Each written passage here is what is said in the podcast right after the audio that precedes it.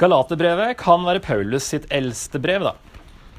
Der er det egentlig kan, En sånn undertittel kunne vært altså, 'Hva er det sanne evangeliet?' Og det handler egentlig mye om dette som de snakker om på det apostelmøtet i Apostelens gjerninger 15. Dette med loven og hvilken rolle den spiller for hedninger. Og her er det noen vranglærere som har da kommet Kanskje noen sånne fariseiske kristne eller noe sånt, som, eh, som kommer og, og, forkynner da at eh, Eller de sier at eh, du må holde Moseloven og Jesus. Altså Jesus pluss Moseloven. Det er liksom, Da er du ordentlig kristen. Paulus og apostlene, sier han. Han henviser til at apostlene sier det samme, at det er Jesus, punktum. Det er Jesus alene, ellers er det ikke Jesus i det hele tatt. Du kan ikke legge noe til, at det blir vranglære. Og du, ved å legge noe til, så sier du egentlig at det Jesus gjorde på korset, det var ikke nok. Og det er egentlig en kjempestor fornærmelse mot korset og mot Jesus. Eh, så Paulus eh, han er veldig i farta når han skriver det brevet her. Det er ikke noe sånn plass til noen takkebønn her, sånn som han ofte har. Så han går rett på eh, og i stedet sier det undrer meg at dere så raskt vender dere bort fra ham som har kalt dere ved Kristi nåde. Og så i kapittel 3 sier han uforstandige galatere, hvem har forhekset dere? Så han, dette er noe veldig viktig, så han må ordne opp. Han har ikke tid til noen sånn takkebønn. det må skrives fort, sendes av gårde. Det her er veldig viktig. Og det er såpass tidlig også at det her må liksom tas med en gang før det spres.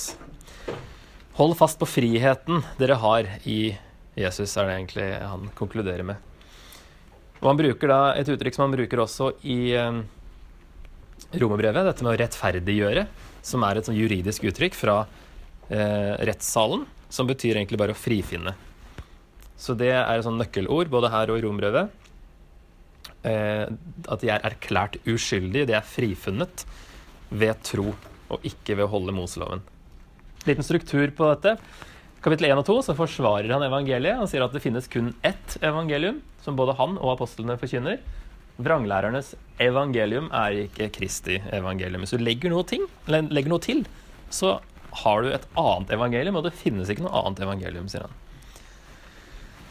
Og så I kapittel 3 og 4 så forklarer han evangeliet og sier da at selv Abraham, som levde lenge før Moseloven kom, ble frelst ved tro og ikke ved lovgjerninger. Og at loven gjaldt bare fram til Jesus kom, og at under loven var man slaver, mens nå er man Guds barn. Så loven hadde en tidsbegrensning uansett. Det skulle bare gjelde fram til troen kom, sier han. Fram til Jesus da kom. Så den, eh, dens tid er over. Og Abraham, lenge før Moseloven, ble jo frelst uten å holde Moseloven, tydeligvis. Og kapittel 5 og 6 så er det at den konkluderer med å understreke friheten som de har i Jesus, og sier da La dere ikke igjen Eh, til frihet har Kristus frigjort oss. Stå derfor fast, og la dere ikke tvinge inn under slaveåket igjen.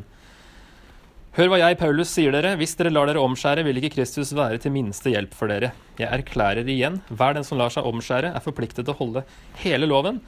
Dere som vil bli rettferdige ved loven, er skilt fra Kristus. Dere er falt ut av nåden. Det er et ganske artig bilde. Seriøst, da. Hvis du prøver å bli rettferdiggjort ved gjerninger, så detter du ut av nåden og blir skilt fra Kristus. Så løsningen på å leve rett er ikke mer regler, men å leve ved ånden. Det er der han kommer inn på det med livet i ånden. Veldig gøy brev, syns jeg, og har et veldig eh, viktig budskap òg. Um, dette med friheten og at ikke vi ikke skal bli loviske som kristne.